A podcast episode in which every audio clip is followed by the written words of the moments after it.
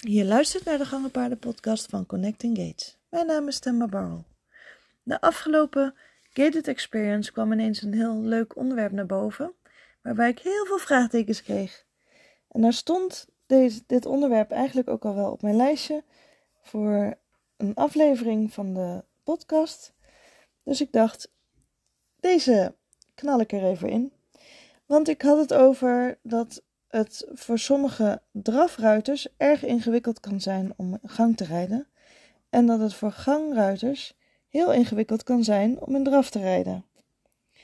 Nou, dat zorgde voor ontzettend veel vragen. En eigenlijk bleek het toch wel iets super logisch te zijn. Dus ik dacht, ik deel hem even met je. Want het kan een best wel grappig onderwerp zijn om even over te hebben.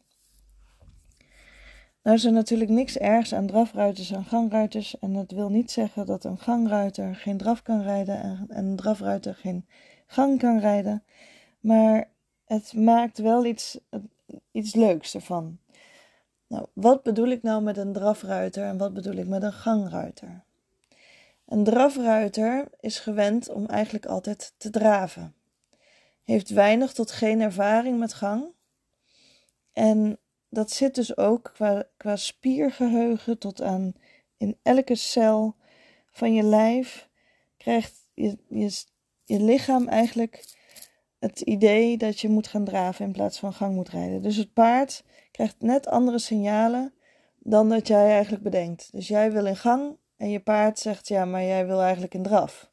Dat maakt dat je soms bijvoorbeeld um, veel meer verschillende gangen door elkaar kan krijgen. Um, dat het één grote uh, rommel wordt of dat er nog meer onbalans ontstaat dan je eigenlijk had verwacht.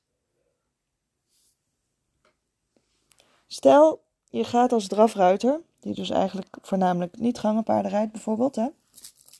of een gangenpaard met voornamelijk draf aan het rijden uh, uh, altijd rijdt. En je gaat een keer naar iemand toe met een gangenpaard die altijd gewend is om in gang te rijden. En eigenlijk misschien wel bijna nooit of nooit in draf rijdt.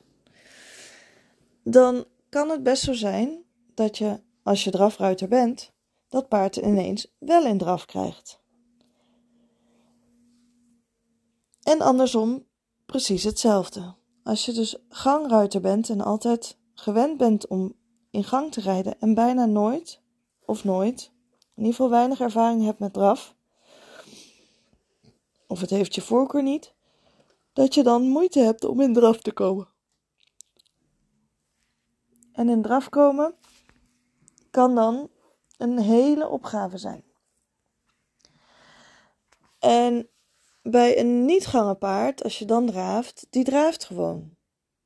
Maar als je dan naar een paard gaat een, uh, ik bedoel een, een gangenpaard gaat die gewoon een goede draf heeft, maar ook gang, dan kan het best zo zijn dat je die niet in draf krijgt. En uh, krijgen is natuurlijk een beetje een uh, ingewikkeld woord, want zo bedoel ik het natuurlijk ook niet. Want meestal rij je paard in draf natuurlijk. Um, maar ja, het is wel een leuke om even over na te denken. Want hoe werkt dat nou eigenlijk precies? En zoals ik het net eigenlijk al wel verklapte, zit het dus ook echt in je systeem. Dus het lukt soms vanuit je systeem en vanuit je eigen kunnen niet om daar een aanpassing in te doen. Dus dan wil het niet altijd zeggen dat het aan het paard ligt, maar kan het wel degelijk bij jou zelf zo zijn. Ik heb bijvoorbeeld meer voorkeur voor gang omdat ik heel erg veel gangenpaarden altijd voornamelijk in gang zal laten lopen. Daarmee heb ik dus veel meer feeling in dat opzicht om alle paarden en verschillende rassen in gang te laten lopen. Komt er een paard zoals nou dat ik er eentje in de Master Gates heb, die gooit echt fantastisch mooi op, heeft een prachtige draf en voor mij dus ineens niet uit te zitten net alsof ik uh, beginner ben. En dat bracht mij ook wel weer op, op, dit, op dit thema. Van, um, ik heb dus net wat meer uh, balans in gang. Meer uh, de juiste spieren die ik dan aanspreek. Dan wanneer ik op een dravend paard, die dus echt lekker opgooit en uh, prachtig loopt, om dat dan gewoon volledig goed te kunnen uitzitten. Of ja, um, te kunnen rijden eigenlijk. Als ik op een dravend paard zit, heb ik daar natuurlijk minder problemen mee, omdat het ook is dat ik dan makkelijker meekom met het paard wat gewoon standaard draaft. En als hij draaft, dan draaft hij. Maar bij een gangenpaard, als je dan gaat draven en je zou willen gaan draven en je hebt het hele idee dat je wil gaan draven, terwijl je eigenlijk makkelijker in balans komt in gang, dan gaat die, het paard dat merken. En die gaat je dan willen helpen.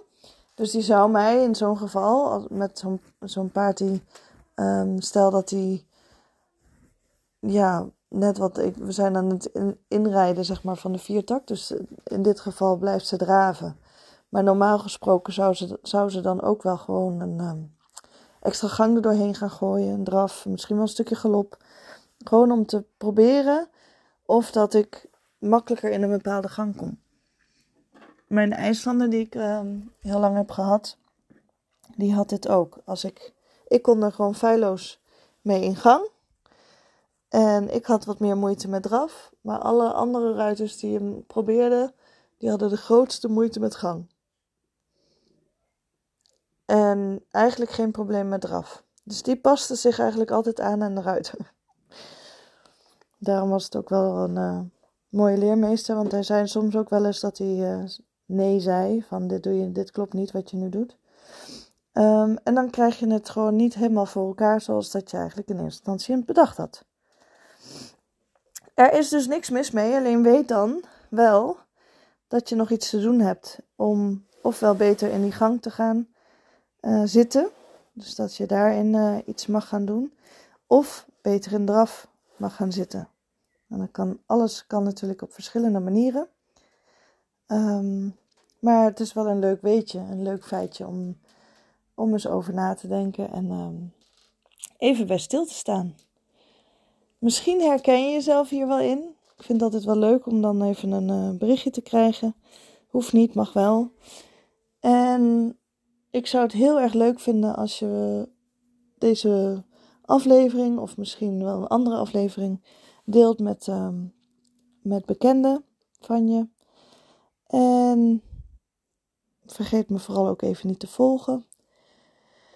Dat uh, kan bij Spotify bovenaan de, uh, bij de podcast zelf. Dan kun je een vinkje aanzetten met volgen. Dat zou ik heel erg leuk vinden. En ik hoop van je te, een keer iets te horen. En voor nu wens ik je een hele fijne dag of nacht. Tot de volgende!